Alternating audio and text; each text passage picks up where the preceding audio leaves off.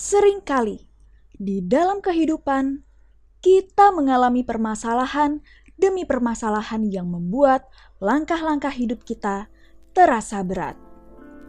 Tidak jarang kita harus jeda sesaat untuk merefleksikan apa yang sudah terjadi agar kita dapat melihat lebih jelas sebelum beranjak melangkah kembali.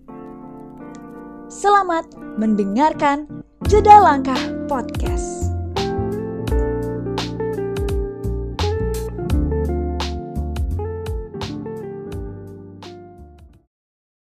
Halo, halo sahabat Jelang. Apa kabar kalian? Wah, wah, wah. Ini dalam hitungan hari kita sudah melepas tahun 2021 nih dan akan menyambut tahun 2022. Nah, sebelum kita menyambut tahun 2022, mendingan kita sambut dahulu sahabat sharing jelang yakni duo dari Broscast Podcast. Apa kabar nih Mas Bram Mas Reza? Baik Mas, Alhamdulillah luar biasa. Sehat ya. Mas Reza Hai, Mas sehat ya? Alhamdulillah sehat. Semoga kita semua sehat ya. Mas Tiawan juga sehat ya. Amin. Harus harus sehat kita. Apalagi kan sekarang kan uh, akhir tahun nih musim hujan nih. Banyak hujan, Betul. banyak angin ya. Kita harus tetap sehat nih.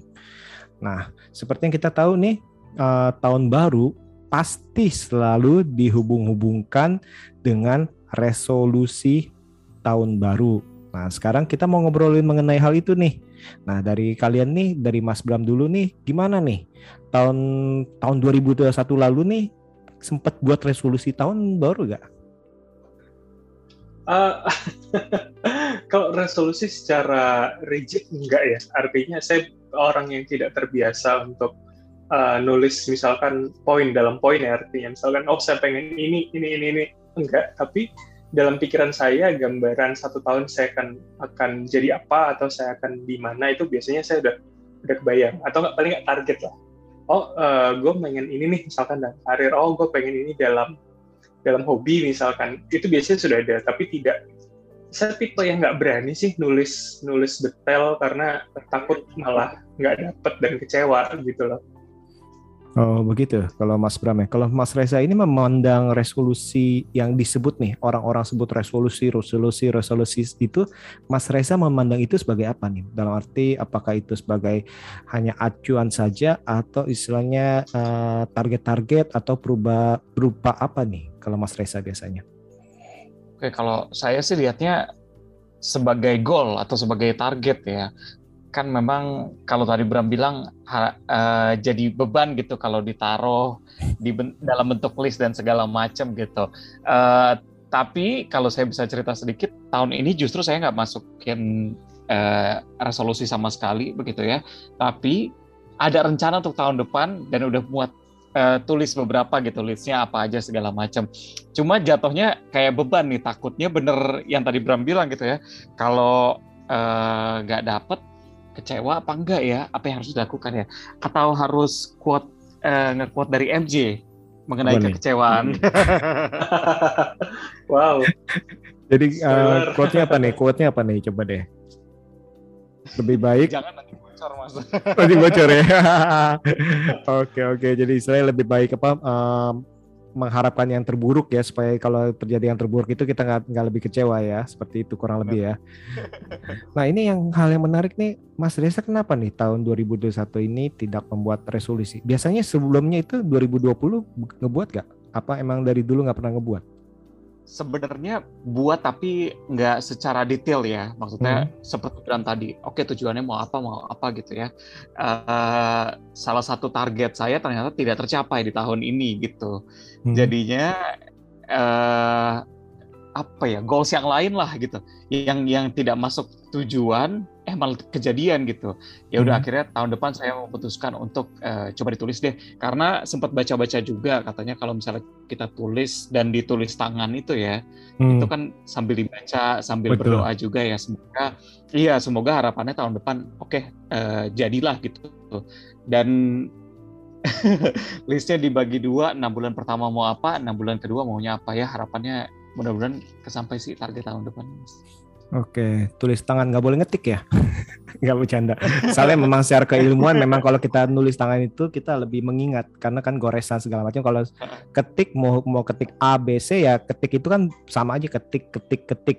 Tapi kalau kita nulis itu kan berupa huruf huruf per huruf itu berbeda alurnya dan itu memang ada istilahnya konon ada ilmunya. Dalam arti dalam hal menulis dalam melihat dan artinya kita ucapkan. Nah itu kan sebagai doa dan akhirnya itu kita dengar dan itu akhirnya membuat uh, kita imani atau istilah menjadi suatu mungkin uh, semangat ataupun orang bilang itu ada beberapa orang bilang itu uh, supaya uh, mengundang istilahnya kan kayak sugesti yang mengundang mengundang kita istilahnya. Jadi semesta semoga mendukung seperti itu.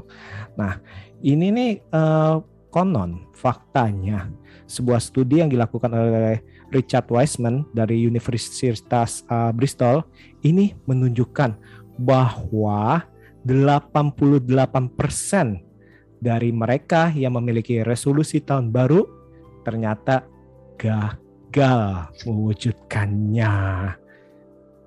Nih, dan padahal 52% dari responden sangat yakin awalnya bahwa mereka berhasil mewujudkannya. Jadi 88% yang tidak berhasil hanya 12% aja nih yang berhasil nih. Nah, terus ini juga artikel US News uh, menyebutkan bahwa sekitar 80% daripada resolusi tahun baru yang dibuat oleh orang Amerika gagal dipertahankan saat baru memasuki minggu kedua bulan Februari Februari. Jadi hanya ber, bertahan one and a half months dari uh, tahun baru. Nah ini jadi kurang lebih kan tadi itu belum belum genap dua bulan ya satu setengah bulan lah. Nah gimana nih? Jadi saya resolusi-resolusi yang dibuat dengan penuh optimisme, keyakinan itu push simsalabim hilang.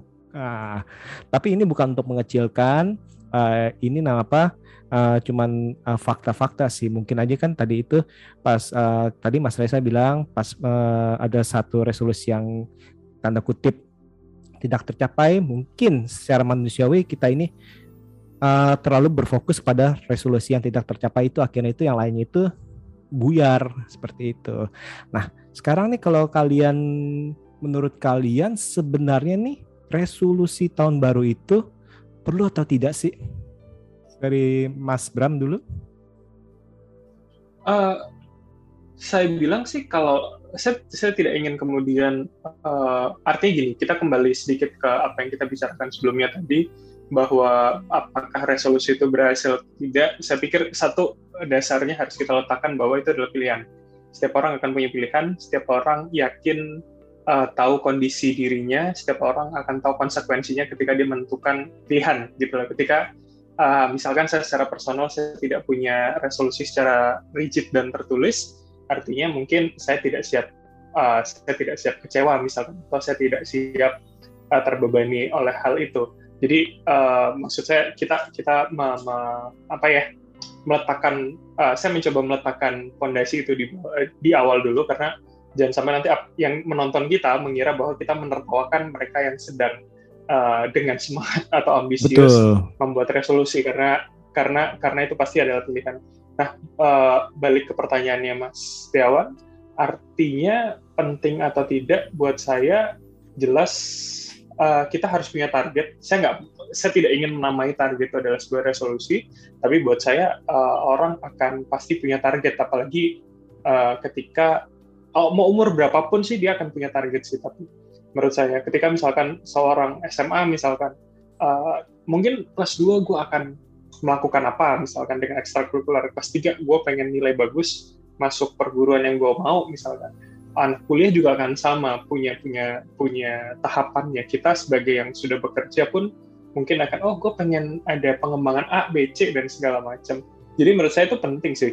Kita paling tidak begini maksudnya uh, uh, apakah itu kemudian dirigidkan dan dibakukan dalam sebuah resolusi atau tidak. Tapi yang penting paling tidak kita tahu arahnya mau ke mana nih di tahun ini.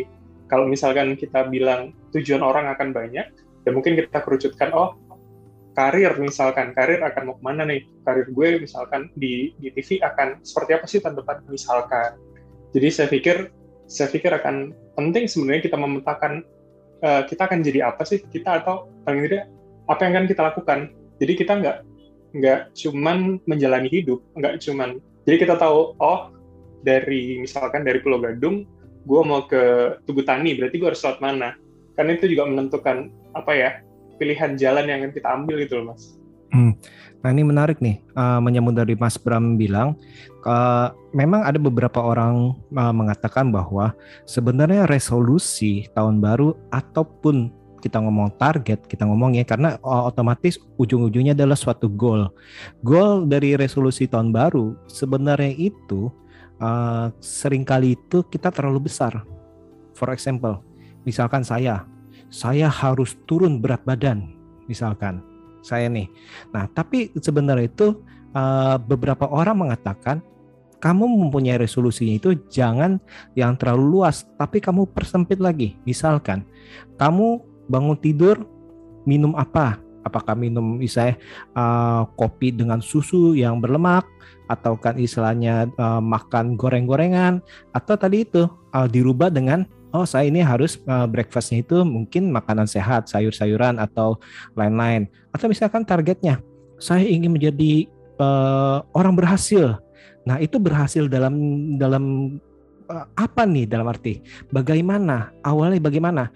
Misalkan oh saya uh, punya fokus ini, saya harus berhasil ini. Oke, okay, saya bangun pagi bangun jam berapa, bangun pagi, mempersiapkan apa. Misalkan sebagai anchor, oh iya saya harus um, lebih uh, menggali saya uh, berita-berita yang ada nih yang saya mau bawakan, atau saya lebih melatih cara saya bicara, gestur tubuh saya.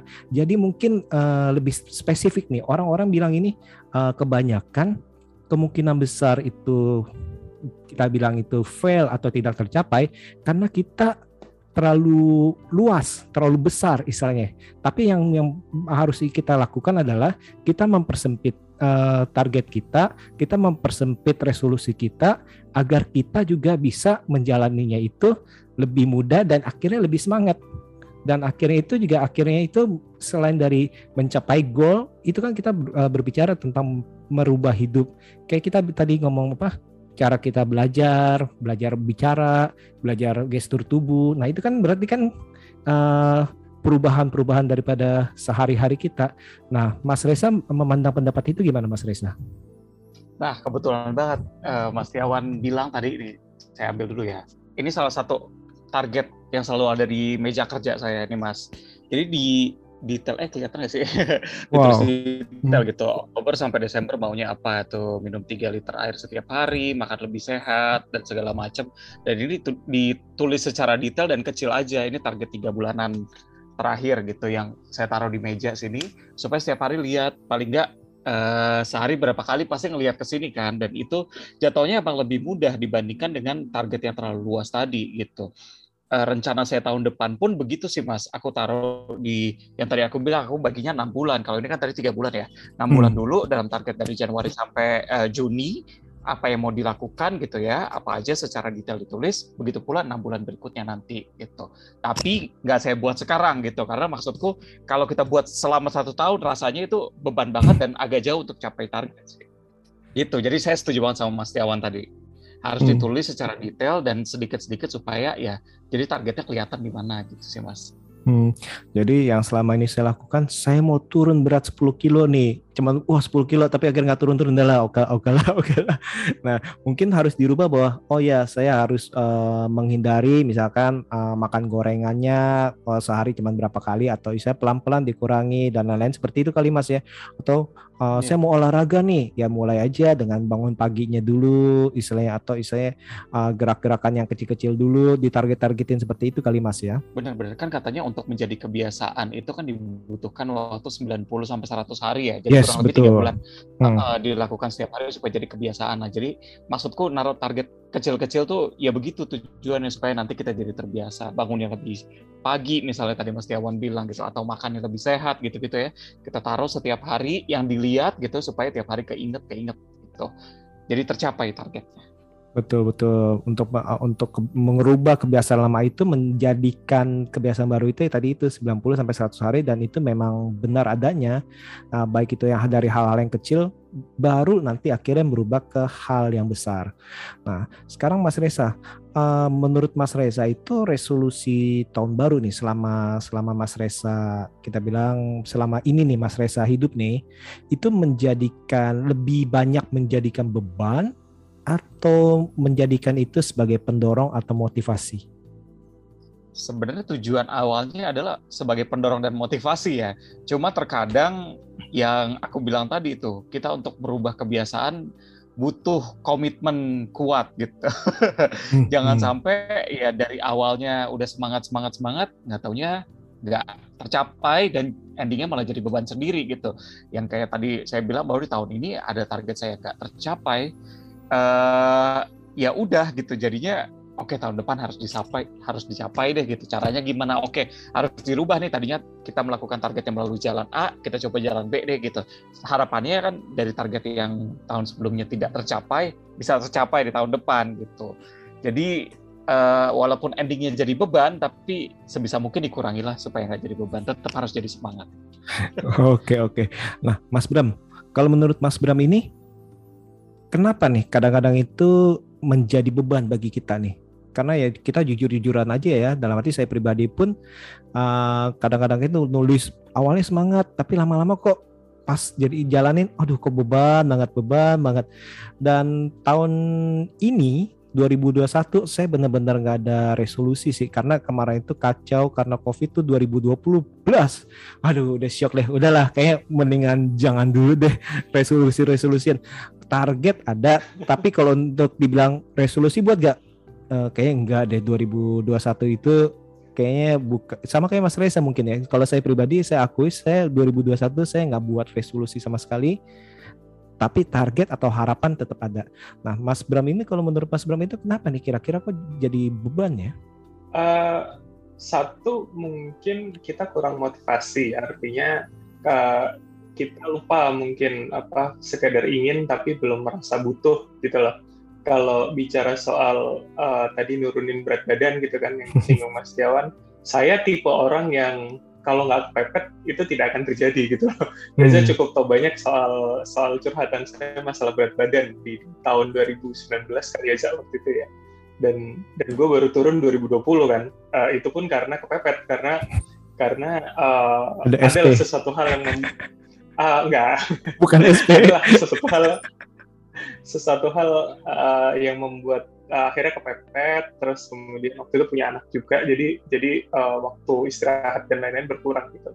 Tapi saya saya tipe yang begitu gitu loh. Jadi saya berpikir apakah ketika saya uh, menginginkan sesuatu saya lupa motivasinya saya lupa harus ada trigger gitu loh. Ibarat kita nonton film kan uh, biasanya seorang superhero atau seorang tokoh utama itu akan berubah atau melakukan tindakan untuk uh, membela dirinya atau kemudian uh, menjawab semua persoalan hidupnya adalah butuh trigger dulu gitu kan biasanya. Hmm, Misalkan hmm. kayak ya seorang, aduh mau nyebut takut spoiler gitu kan, yang lagi baru orang semua nonton tapi nggak usah. Intinya gitulah, setiap orang pasti butuh trigger. Nah kadang saya berpikir diri saya sendiri, apakah saya kurang trigger gitu loh, apakah saya lupa bahwa oh tujuannya ini loh, kadang kan kita hanya ketujuan misalkan ngurusin berat apa menurunkan berat badan itu tujuannya hanya gaya hanya untuk uh, di depan kamera gitu kan. Padahal kita lupa oh ketika lo uh, lebih turun berat badannya mungkin ketika makan kikil nggak lebih pusing gitu. Kita lebih ya kan? Atau makan emping tiba-tiba kaki lo lebih nyutan gitu.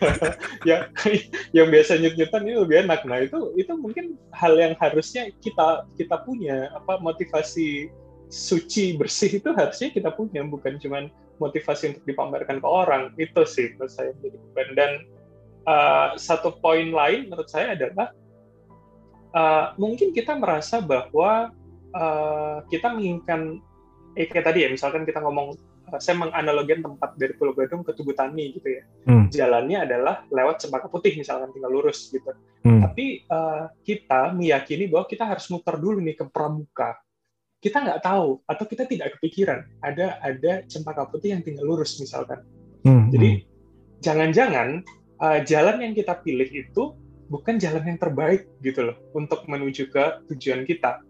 Hmm. Kita hmm. tidak sadar, kita mungkin menutup uh, pemikiran kita sendiri, kita mungkin terlalu angkuh dengan pilihan, oh enggak, gue lewat pramuka akan lebih cepat betul tani misalkan.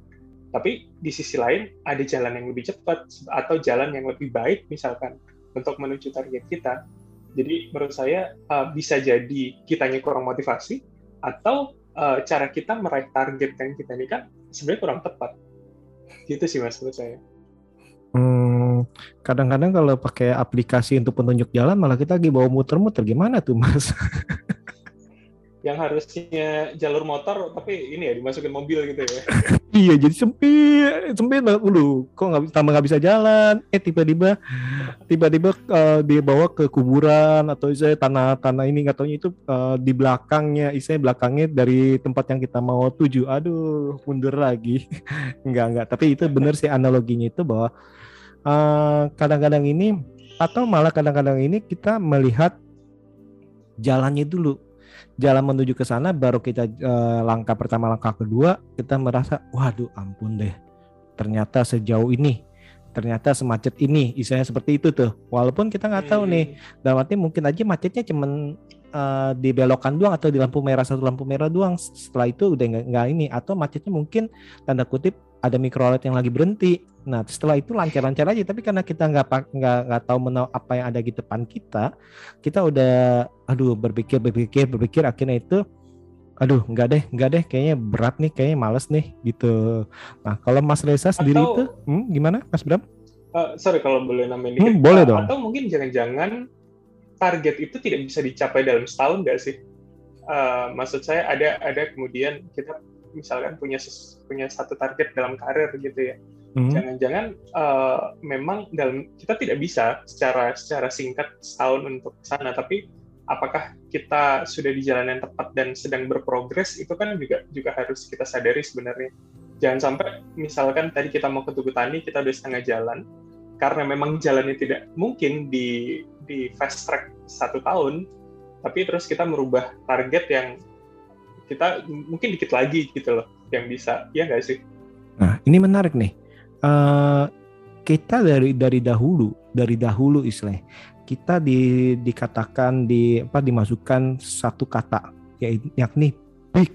Baik itu kamu itu harus dream big istilahnya. Kamu ini harus bermimpi yang besar mempunyai target besar mempunyai istilahnya uh, kayalah yang besar Ngapain kamu punya impian kecil?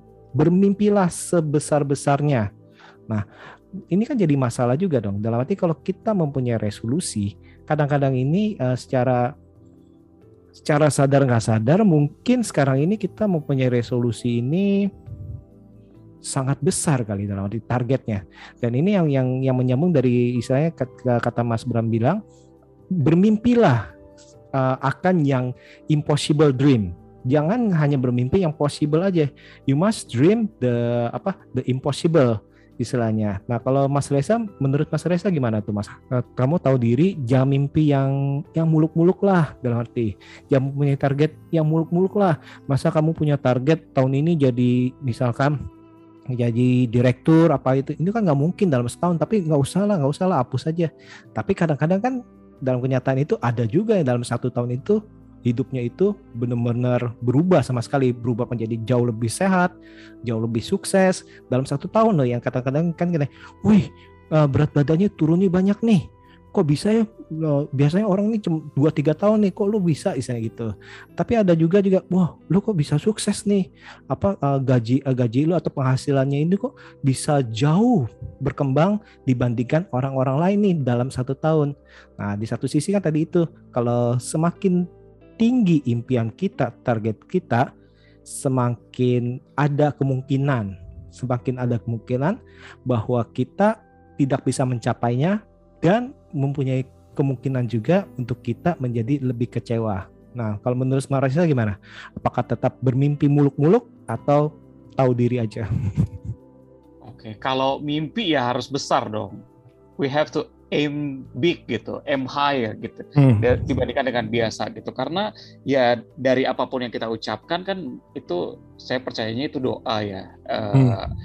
Dan semesta universe pasti mendengar apa yang kita pikirkan gitu. Jadi nggak ada masalah untuk uh, bermimpi yang besar. Tapi kalau dibilang yang realistis ya itu juga benar sih gitu. Cuma salah satu quote uh, yang saya pegang dan juga tadi ngambil dari Bram ya hmm. adalah nih uh, it's not about how fast we get there.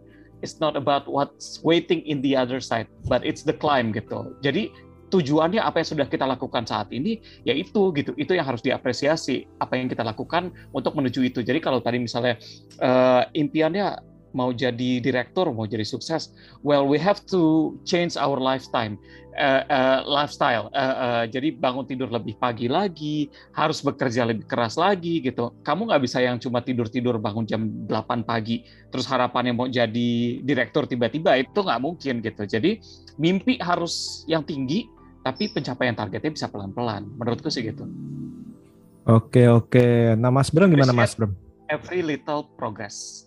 Oke, jadi proses dan uh, kita harus menghargai segala uh, segala hal-hal kecil yang sudah kita jalanin ya. Betul. Hmm. Uh, ya, Mas Bram gimana Mas Bram? Uh, setuju banget, setuju banget sama Reza karena uh, gue sering banget cerita sama Reza gitu kan soal pencapaian gue tahun ini yang buat gue uh, jauh dari impian gue gitu loh. Reza tau lah soal apa. Uh, gue selalu bilang kayaknya ekspektasi gue di awal tahun tinggi banget nih soal soal ada salah satu bidang kehidupan gue yang gue uh, taruh target tuh tinggi banget. Tapi ternyata uh, seberjalannya waktu setengah tahun gue nggak dapet. tiga per empat tahun, uh, sorry tiga per empat tahun gue nggak dapet. Sekarang akhir tahun gue juga belum dapet. Gue cerita sama Reza bahwa kayaknya gue ketinggian gue gue dalam posisi yang stuck nih sekarang gue bilang Reza di salah satu bidang kehidupan hmm. gue ya hmm. tapi satu sisi gue ngobrol sama salah satu teman kita juga dia ngomong gini uh, mem belum sampai tidak sampai atau jangan-jangan lu tuh sudah berprogres tapi emang nggak bisa setahun gitu loh hmm, hmm. itu itu yang menyadarkan gue bahwa oh iya ya mungkin uh, belum saatnya gitu loh uh, gue tipe yang uh, saya tipe yang percaya bahwa uh, kita diberikan sesuatu uh, Tuhan pasti tahu yang terbaik gitu. Hmm, hmm. Jangan-jangan sayanya nih yang belum siap misalnya. Betul, kita punya waktunya belum tepat. Di, apa ya? Yes, betul. Iya, betul. Bisa jadi, bisa jadi. Jadi jangan-jangan ketika diberikan sesuatu yang kita inginkan itu malah buruk buat buat kita gitu loh. Setuju, setuju. Uh, Setuju. Percaya bahwa ya ya saya percaya bahwa Tuhan itu ngasih semua uh, tepat pada waktunya. Jadi mungkin uh, tepat pada waktunya bukan hanya ketika kita membutuhkan, tapi kita juga mungkin lebih siap secara mental gitu loh. Ibarat tadi kalau Mas Dewan ngomong menjadi direktur, bisa jadi kalau jadi direkturnya umur sekarang atau dengan dengan apa ya mental yang sekarang mungkin bakal congkak banget kali bakal ah apaan tuh orang kayak gitu kali ya jadi hmm. jadi mungkin belum dikasihnya sekarang daripada uh, kita menyakiti orang lain, kita kita me, apa ya? Kita meremehkan orang yang mungkin tidak seberuntung kita misalkan. Itu sih saya saya akhirnya melihatnya seperti itu. Ya karena baru ngobrol sama salah satu teman jadi oh iya ya mencoba seperti kata Reza mensyukuri mensyukuri jalan yang udah kita lakukan mengapresiasi langkah langkah kecil kali ya karena kan uh, kita tahu lah ada quotes yang di luar sana bilang bahwa oh uh, lu nggak bisa membandingkan pencapaian lu dengan orang lain gitu loh. Seorang seorang Colonel Sanders juga umur 70 sekian dia baru berhasil menemukan uh, menemukan Kentucky Fried Chicken gitu loh. Jadi ya udah itu itu waktunya dia. Apakah lu akan setua dia atau mungkin lu harus nunggu umur berapa nggak tahu tapi lu berusaha gitu oke oke oke. Menarik menarik Mas Bram bilang bahwa nafas kadang-kadang itu memang uh, kita ini sering kali bahkan tidak apa tidak menghargai uh, perjalanan langkah demi langkah yang kita udah apa lalu ini kita hanya berfokus terhadap istilahnya target yang di ujungnya. Sedangkan kadang-kadang itu yang yang perlu kita hargai adalah prosesnya. Karena prosesnya itulah yang membentuk kita menjadi istilahnya apa yang kita inginkan di ujung Nah, itulah sebabnya kita harus uh, mengambil istilah jeda waktu untuk berhenti sesaat nih. Di kala kita kalut, kita berhenti sesaat untuk istilahnya merefleksikan diri, apa nih yang sedang terjadi nih, apa yang pencapaian-pencapaian apa yang sudah kita capai, sehingga kita bisa lebih istilahnya lebih melihat dan lebih merencanakan lagi tuh. Tadi Mas Bram, Mas Tessa bilang itu adalah lebih baik itu kita ini uh, membuat target-target itu kita pecahkan nih. Ini target besar. Terus kita pecahkan, misalnya uh, menjadi planning-planning, baik itu misalnya mingguan, bulanan, tiga bulanan, enam bulanan, nanti istilahnya baru tuh. Atau hal-hal kecil ini, misalnya, misalnya, oh saya ingin jadi, tadi yang Mas bilang bilang itu, saya ingin menjadi istilahnya direktur. Oke, okay, kalau gitu apa yang harus saya lakukan? Saya harus bangun pagi. Terus habis yang kedua, saya harus belajar lebih banyak lagi. Mungkin belajar apa? Belajar istilahnya uh, mengamati apa apa istilahnya belajar ilmu-ilmu baru membaca yang hal-hal yang banyak yang yang baru-baru. Nah itu dia tuh. Yang sering kali itu kita lupakan dan kita ingin secara instan untuk mendapatkan hal itu. Padahal yang waktu itu kita sempat ngomong juga bahwa apa sesuatu yang kita dapatkan secara instan belum tentu itu istilahnya last longer dan uh, dan sesuatu daripada sesuatu yang kita istilahnya usahakan dengan secara perlahan-lahan. Nah, soalnya kalau kita belajar dari istilahnya dari uh, para pengusaha sukses, mereka pun mendidik anak mereka ini sering kali ini bukan langsung jadi bos, tapi kadang-kadang ini bisa pengusaha makanan. Oh, kamu kalau mau jadi ini, oke, okay, kamu di dapur dulu, kamu potong dulu, potong wortel dulu, potong sayur dulu, habis itu baru uh, masak dulu, atau bahkan oh kamu ini kalau mau ini kamu ini harus buang sampah dulu. Karena kamu harus merasakan itu gimana tuh istilahnya ternyata hal-hal di balik uh, di balik dapur itu ya ada hal-hal perintilan itu tuh yang harus buang sampah. Karena kalau nggak bersih kan kita nggak tahu. Bahkan cuci piring. Kenapa? Karena customer kalau istilahnya piringnya kotor siapa yang mau istilahnya kan seperti itu. Padahal hal-hal kecil gitu. Tapi kan kita ngebayangin oh nggak bisa dong Dedi. Uh, langsung dong kita langsung dong. Langsung jadi saya uh, direktur dong, direktur dari restoran. Nah, kadang-kadang itu kalau orang tua orang tua yang zaman dulu akan uh, melatih secara gitu tuh proses proses proses. Dan tadi itu kata Mas Mas Reza bilang itu 90 sampai 100 hari itu akhirnya proses itu awalnya mungkin. Awalnya mungkin nih perubahan-perubahan itu menyiksa menyiksa kita. Jujur aja uh, seolah-olah itu menyiksa. Tapi uh, lama-lama akhirnya itu menjadi suatu perubahan. Bukan begitu Mas Gugus? Halo, saya Gugus baru bergabung di Jeda Langkah Podcast. Selamat datang. Jadi, setuju sekali dengan statement mengenai bahwa uh, kita itu jangan meninggalkan sebuah proses gitu karena dari sebuah perencanaan dan perjalanan kita dalam mencapai target sebenarnya proses itu penting banget gitu. Hasil itu bahkan uh, ya hanya sebuah bonus dari proses yang sudah dibangun gitu. Kalau memang hasilnya bagus ya berarti dari banyak faktor dan proses yang sudah dilakukan ya berarti step by stepnya benar. Tapi kalau gagal bukan berarti kita itu eh, dalam artian gagal malas ya, tapi ya mungkin kita yang sudah melakukan step by step dengan benar dengan usaha yang luar biasa tapi gagal ya kita juga harus menghargai perjalanan dan proses tersebut. Jadi kita bisa lakukan uh, semacam correction action atau uh, plan selanjutnya supaya kegagalan itu bisa dikurangi atau ditanggulangi seperti itu, Mas Tiawan. Iya, iya betul. Hmm. Nah, sekarang ini tadi kita udah ngomongin mengenai uh, resolusi-resolusi segala macam. Nah, sekarang ini kalau untuk uh, Mas Bram atau Mas Reza nih, uh, kalau tadi itu kan kita sempat ngomongin bahwa ada beberapa resolusi yang sempat kita buat atau target yang sempat kita buat tapi ternyata itu tanda kutip tidak tercapai. Nah, kalian cara menanggapinya gimana nih? Mulai dari Mas Reza. Oke, itu dijadiin bahan evaluasi diri sih Mas. Eh, harus dinilai sebenarnya nggak tercapai targetnya apa gitu. Misalnya saya tahun ini ternyata tidak selesai nih kuliahnya target saya gitu kan. Uh, Oke, okay. apa yang terjadi gitu. Oh ternyata mungkin saya kurang dalam belajarnya, uh, waktunya terlalu banyak untuk main dan segala macam gitu. Dijadiin uh, penilaian sendiri sih karena balik lagi yang tahu tuh kita sendiri. Targetnya apa? Itu kalau targetnya yang terjadi dari internal. Yang susah adalah kalau targetnya dari eksternal gitu. Apa yang kita lakukan ya ya bisa ngerubah cara uh, cara bekerjanya atau gimana gitu sih.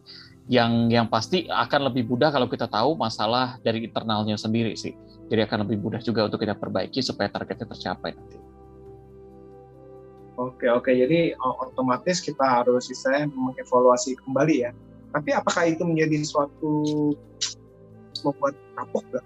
Aduh, udahlah kayak kayak kan kadang-kadang kan kita kan sebagai manusia berpikir ya ilah ini aja gagal apalagi yang lain dalam arti kadang-kadang kayak gitu tuh kita padahal itu cuma saat misalnya kita gini kita pasti kan punya beberapa target nih A B C D E F kita A berhasil, B berhasil, C kok mandek terus. Padahal ini ada target lainnya nih yang kita belum selesaikan, tapi karena C mandek, kita fokusnya kayak udah udah blur semua gitu di muka kita. Nah, kalau Mas Reza gimana Mas Reza? Uh, nggak bisa begitu sih, masalahnya sudah terlanjur biasanya. Kalau kita udah coba, udah mentok sampai 50%, masa kita mau pilih jalan lain gitu? Coba cari alternatifnya dulu gimana? Karena udah terlanjur dilakukan udah terlanjur apa ya udah udah udah dikit lagi sampai garis finish sih gitu. Kenapa harus balik lagi gitu? Kenapa harus cari jalan lain kita harus cari alternatifnya seperti apa gitu. Permasalahannya di mana? Oh ternyata bannya kempes gitu kalau kita tadi menggunakan analogi jalan gitu ya. Bannya kempes ya masa motornya mau ditinggalin terus naik ojek gitu ya. Lebih baik oh iya udah dorong pelan-pelan motornya kita cari tambal dulu bannya supaya targetnya lebih cepat. Dibandingin kalau kita cari bis gitu ya, motornya ditinggalin belum tentu motornya aman. Cari bis lagi belum tentu lebih cepat jalannya gitu jadi maksudku sayang aja kalau kita tinggalin sih. Lebih baik dievaluasi cari uh, permasalahan di mana. Biasanya kalau permasalahan dari internal akan lebih mudah untuk kita perbaiki dibandingkan dari eksternal. Oke oke. Kalau Mas Bram gimana Mas Bram? Apakah uh, pernah gak masih mengalami uh, banyak planning nih A B C D E F? Tapi gara-gara satu planning mandek jadi istilahnya kok kayak uh, pandangan kita ini udah fokus kita ini ke mandeknya itu ke istilahnya planning yang mandek itu sedangkan planning yang lain itu jadi terbelengkalai. Uh, so far sih enggak ya mas, karena saya uh, kayak balik yang di awal, saya tidak membuat resolusi dengan poin-poin yang seperti teman-teman lakukan, tapi saya punya target tahunan yang yang memang harus saya capai. Nah mungkin kebalikan dengan Reza, saya merasa bahwa uh, hambatan yang pernah saya alami di 2020 itu adalah eksternal bukan dari internal. Jadi kalau boleh jujur saya tuh punya target uh, tiga tahunan biasanya dari uh, karir saya gitu loh. Nah harusnya target tahun tiga tahunan itu jatuh di 2020 kemarin, tapi kemudian tidak bisa tercapai karena pandemi. Mau tidak mau uh, apa ya karena tar, uh, karena faktornya adalah eksternal itu tidak bisa membuat saya melakukan apa pun. Jadi saya merasa saya merasa terhenti di satu titik yang yang itu itu aja gitu loh. Pada saat itu ya, Reza cukup tahu pada saat itu bagaimana di 2020. Tapi uh, ketika saya mencoba berpikir uh, hal lain, target lain yang sebenarnya target ini tidak saya pikirkan di awal, ternyata ini membuat saya cukup enjoy dan cukup bisa berjalan gitu loh mas. Jadi saya tidak stuck di satu di satu visi saya yang yang terhambat karena faktor eksternal yang saya sebutkan tadi dan akhirnya tidak mengganggu mood saya secara personal, tidak mengganggu uh, apa ya lingkungan saya karena kan uh, sebenarnya kalau kadang kita punya target tapi kemudian kita tidak bisa sampai di sana atau kita merasa stuck di tengah jalan misalkan kita kan akan toxic buat diri sendiri ya pertama ya Nah, kemudian kita akan toksik pada lingkungan gitu. Nah, itu itu yang yang menurut saya uh, juga harus diantisipasi bahwa uh, kita semua uh, bisa punya punya target, punya resolusi di, di untuk tahun depan misalkan. Tapi kita juga harus siap bahwa perubahan kita harus fleksibel mungkin itu berubah karena mungkin mungkin uh, termnya yang kita sebutkan tadi bahwa oh nggak apa-apa lu nggak nyampe sana di satu tahun tapi lu punya progres gitu itu bisa digunakan. Tapi ada ada ada pola lain yang mungkin kita juga harus bisa sadar diri yang kayak Mas uh, Mas kawan tadi sebutkan bahwa uh, ini bener nggak sih jalan gue gitu loh? Atau sampai di limit mana gue akan akan mencoba bertarung di jalur itu misalkan? Uh, lebih kayak gitu sih mas. Jadi uh, bisa jadi uh, kita merasa terbeban bisa jadi kita stres sendiri di akhir tahun ketika tidak kesampaian bukan hanya soal uh, kita belum sampai di sana, kita sudah berprogres belum sampai sana, tapi jangan-jangan ada ada medan perang lain yang bisa kita menangkan ketika kita pindah uh, areal pertarungannya gitu Itu sih, uh, saya, saya merasakan itu di tahun kemarin. Baik, menarik sekali jawaban dari Mas Reza dan Mas Bram. Nah, jadi pertanyaan selanjutnya adalah ketika kita membuat target dan gagal gitu tadi kan eh, mas mas berdua ini sudah menjawab tentang ya tidak selamanya lancar tapi ada kegagalan juga gitu. E, maksudnya tuh untuk menghindari kekecewaan atas target yang udah capek-capek dibuat harapan yang udah terlanjur melambung tinggi gitu. Itu gimana gitu? Apa nggak kita jadi manusia yang mengikuti arus aja gitu sehingga ketika kita tuh jatuh kita nggak terlalu sakit gitu jatuhnya atau ya kita memang harus tetap on stay dengan uh, misi di awal gitu atau enggak target di awal walaupun gagal uh, bikin target lagi gitu jadi gimana mungkin dari Mas Bram duluan mungkin ya oke okay. uh, kalau saya tidak pernah merasa sia-sia dalam membuat satu target karena biasanya ketika target A saya tidak dapat, target B akan sebenarnya dekat dengan target A gitu loh. Karena kayak yang saya bilang di awal tadi uh, di, di per, pernyataan sebelumnya bahwa kita harus sebenarnya cukup cukup fleksibel ketika target tahunan itu tidak tidak kemudian tercapai. Uh, tapi artinya artinya uh, saya tidak pernah merasa itu sebagai sia-sia karena saya cukup menghargai oh bahwa ketika saya gagal di satu bidang maka pasti ada value yang saya dapatkan dan itu bisa saya terapkan. Apakah misalkan value yang uh, terkait bidang itu bukan? Bagaimana kemudian misalkan, oh saya uh, saya dan Reza pernah kita mencoba membuat sesuatu ya Zak, di tahun 2020, tapi ternyata tidak berhasil. Uh, apakah itu gagal? Gagal. Tapi uh, value-nya, value-nya adalah, uh, oh kami belajar manajerial loh pada saat itu, yang ternyata bisa kami terapkan di uh, target lain yang kami lakukan di 2021 dan itu berhasil walaupun kemudian di akhir 2021 itu uh, saya merasa bahwa apa yang kami berdua bangun saya dan Reza bangun uh, belum sampai target tapi itu sudah cukup berprogres. Apakah kegagalan di tahun 2020 uh, sia-sia? Tentu tidak. Tentu membuat kami banyak sekali pelajaran dan tidak mengulang kesalahan di 2020 untuk di project 2021 ya Zak ya? Betul. Betul setuju banyak hikmah-hikmah yang bisa diambil senyum, dari ya banyak hikmah yang bisa diambil dari uh, apa yang sudah terjadi gitu. Kalau tadi Mas Gugus bilang apakah nantinya kita akan kapok dan jadi uh, ngikutin arus aja, aduh menurutku itu bukan manusia namanya gitu ya. Kita manusia pasti punya impian, pasti punya tujuan. Apa yang dilakukan ya harus harus sejalan dengan tujuan itu gitu. Uh, saya saya cerita sedikit deh gitu. Salah satu cita-cita saya dari SD dulu adalah untuk jadi wartawan gitu. Uh, ini bukan jalan yang mudah gitu karena dari keluarga sendiri menentang gitu, terutama dari ayah saya tentang banget gitu. Dia bilang buat apa? Tujuannya buat buat apa sih gitu? Kamu harus pilih yang bagus gitu. Kamu jadi dokter atau apa biar uangnya banyak segala macam. Tapi kan itu bukan kemauan saya gitu ya impian saya dari SD dulu ya untuk jalani profesi sebagai jurnalis gitu. Uh, dengan tidak ada restu dari orang tua, saya harus ambil kuliah dengan kemauan orang tua sendiri gitu. Tapi setelah cari kerja, ya saya buktikan itu sendiri gitu loh. Saat saat saat dulu uh, kuliah, saya coba iseng magang-magang, saya magang di radio, saya coba magang di majalah untuk belajar ini uh, bagaimana sebenarnya untuk jadi jurnalis sendiri gitu ya. Dan ketika waktu cari kerja pun saya coba di semua media mulai dari uh, koran, dari majalah, dari radio gitu sampai uh, ke TV gitu ya. TV semua saya cobain satu-satu gitu.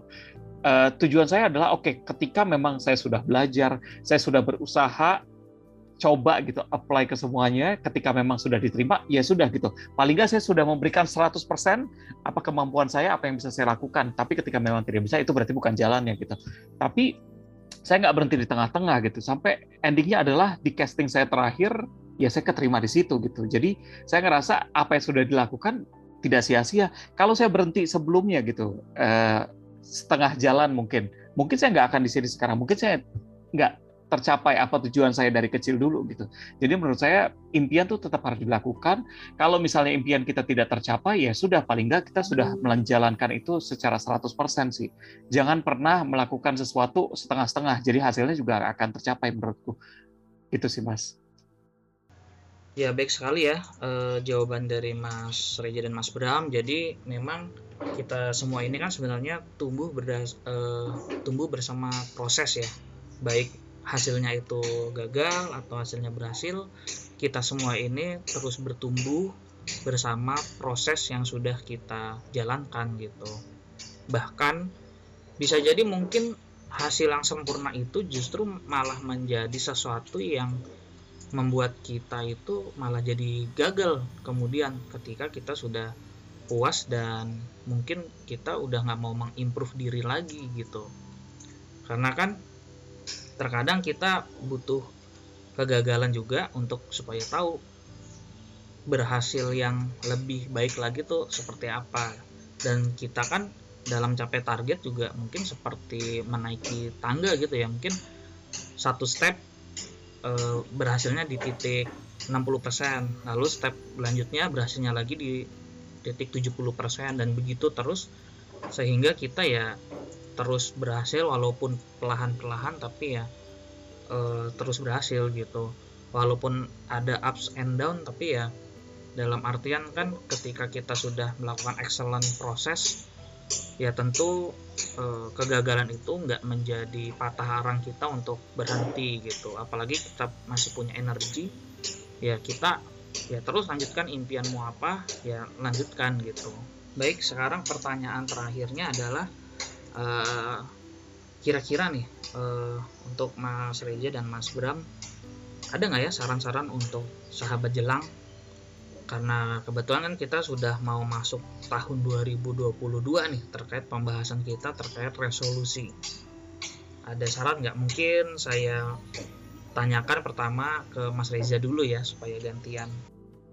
Oke, buat sahabat jelang, uh, kalau yang saya lakukan kan uh, tadi di awal saya sempat cerita gitu ya ada trial and error gitu. Yang saya lakukan sih yang sejauh ini lumayan berhasil adalah dengan membuat target lebih kecil gitu. Tadi saya nunjukin target saya selama tiga bulan tiga bulan terakhir nih dari Oktober sampai Desember apa yang bisa dilakukan dan itu ditulis dengan detail gitu ya targetnya mau apa saja. Dan kalau saya sih saya tempelin di meja kerja gitu. Atau bisa ditempelin di kaca di kamar di cermin. Supaya setiap hari kita lihat setiap hari dibacakan gitu. Harapannya kan dari situ dengan kita selalu mengingat targetnya apa dan targetnya nggak terlalu jauh gitu. Uh, dari uh, apa ya lifestyle kita akan berubah dari situ gitu terus dengan diingat-ingat terus dibacakan ya harapannya kan jadi doa gitu supaya didengar sama semesta didengar sama Tuhan dan targetnya bisa tercapai gitu kalau misalnya targetnya nggak tercapai ya nggak apa-apa gitu paling enggak kamu sudah melakukan itu 100% nggak setengah-setengah ya itu berarti bukan jalanmu coba diambil hikmah dari apa yang uh, sudah dilakukan tadi dan gagal, coba diterapkan dan dijadikan ilmu supaya tidak terjadi di target-target berikutnya. Gitu, Mas. Oke, kalau Mas Bram, bagaimana Mas Bram? Uh, mungkin buat sobat jelang jangan jangan takut untuk membuat target, membuat mimpi, membuat resolusi, tapi juga siapkan uh, diri untuk sefleksibel mungkin. Artinya ketika kita semua siap uh, untuk menang, berkompetisi, berperang, maka kita juga siapkan diri untuk kalah. Artinya ini bukan klise kita menyiapkan diri untuk kalah, tapi persiapkan bagaimana mental apa yang harus dilakukan ketika kita tidak mendapatkan apa yang kita inginkan gitu loh karena uh, pertanyaannya ketika kita jatuh uh, bagaimana kita uh, untuk bangkit lagi apakah kita menerima kekalahan dan dan belajar dari kekalahan atau jangan-jangan kita hanya meratapi kekalahan dan menyalahi uh, menyalahkan kondisi yang yang mungkin uh, di luar kuasa kita. Gitu. Jadi saya pikir silakan bermimpi jauh, tapi ingat bahwa kalian juga harus siap untuk uh, berubah mengikuti kondisi karena semua pasti akan di luar kendali kita. Itu sih mas. Jadi resolusi harus dan yang terpenting sih pasti uh, siap semangat untuk tahun baru 2022.